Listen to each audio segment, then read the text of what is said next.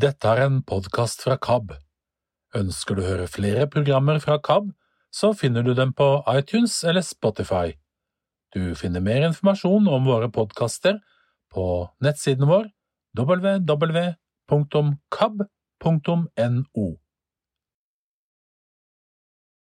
Hei, jeg heter Finn Tore Eivik, og jeg vil dele noen tanker om det å tru.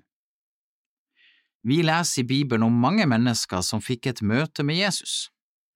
I dag så vil jeg si litt om en tekst som har fått tittelen Jesus og den rike mannen. Den teksten står i Det nye testamentet, i Markusevangeliet, i kapittel 10, fra vers 17. Jesus og den rike mannen Da Jesus skulle dra videre, kom en mann løpende, falt på kne for ham og spurte, Gode mester, hva skal jeg gjøre for å arve evig liv? Men Jesus sa til ham, Hvorfor kaller du meg god? Ingen er god uten én, det er Gud. Du kjenner budene. Du skal ikke slå i hjel, du skal ikke bryte ekteskapet, du skal ikke stjele, du skal ikke vitne falskt, du skal ikke bedra noen, hedre din far og din mor. Han svarte, Mester, alt dette har jeg holdt fra jeg var ung. Jesus så på ham og fikk ham kjær og sa, En ting mangler du. Gå bort og selg alt du eier, og gi det til de fattige. Da skal du få en skatt i himmelen. Kom så og følg meg. Men han ble nedslått over dette svaret og gikk bedrøvet bort, for han eide mye. Sangeren Ole Paus skal en gang ha sagt, Vi har alt, men det er også alt vi har. Om mannen i teksten i dag hadde alt, det vet jeg ikke, men det er sannsynlig at han var veldig rik, hadde en sentral plass i lokalsamfunnet. Han hadde et sterkt ønske om å leve etter budene i loven, leve rett, gjøre det som var riktig. Han var sikkert et forbilde for mange og de tenkte nok kanskje at han har alt. Nå står han framfor Jesus og spør, Hva skal jeg gjøre for å arve evig liv? Merkelig spørsmål, egentlig, for arv er ikke noe man gjør seg fortjent til, det er noe man får. Svaret er vel egentlig enkelt, du trenger ikke gjøre noen verdens ting for å arve, du må bare være barn, arving, av de du skal arve fra. Barn arver sine foreldre uten at de trenger å gjøre noe som helst. Det handler om å være og ikke om å gjøre. Den eneste måten man kan få arverett på, er enten ved å være en del av slekta, eller man må rett og slett bli født på ny. Men man kan avstå for å ta imot arven, fordi at de ikke liker den eller ikke kan finne plass til den.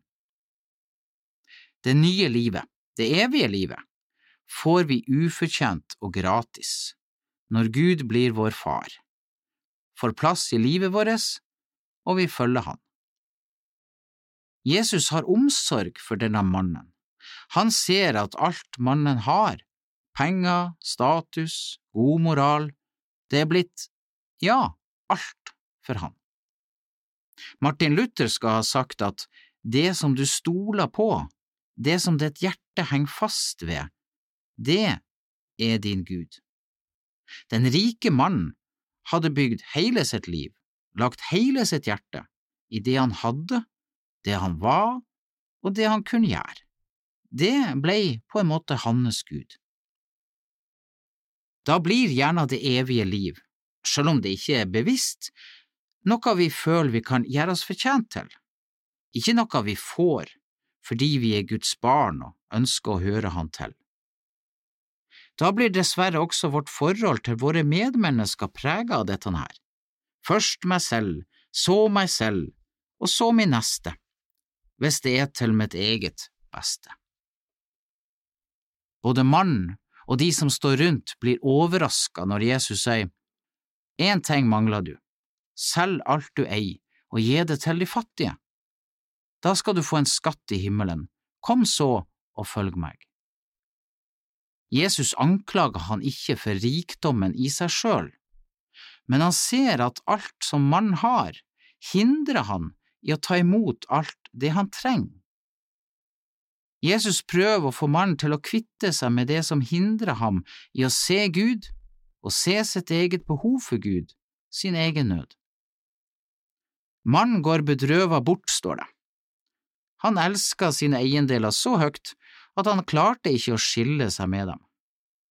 Samtidig så ligger det et håp i det når det blir beskrevet sånn at han var bedrøvet. Jesu ord har tydeligvis nådd inn, men vi får ikke vite noe om hva som skjedde videre med mannen. Jesus vender seg så til disiplene og sier hvor vanskelig det er for dem som stoler på rikdom å komme inn i Guds rike. Det er lettere for en kamel å gå gjennom et nåløye enn for en rik å komme inn i Guds rike.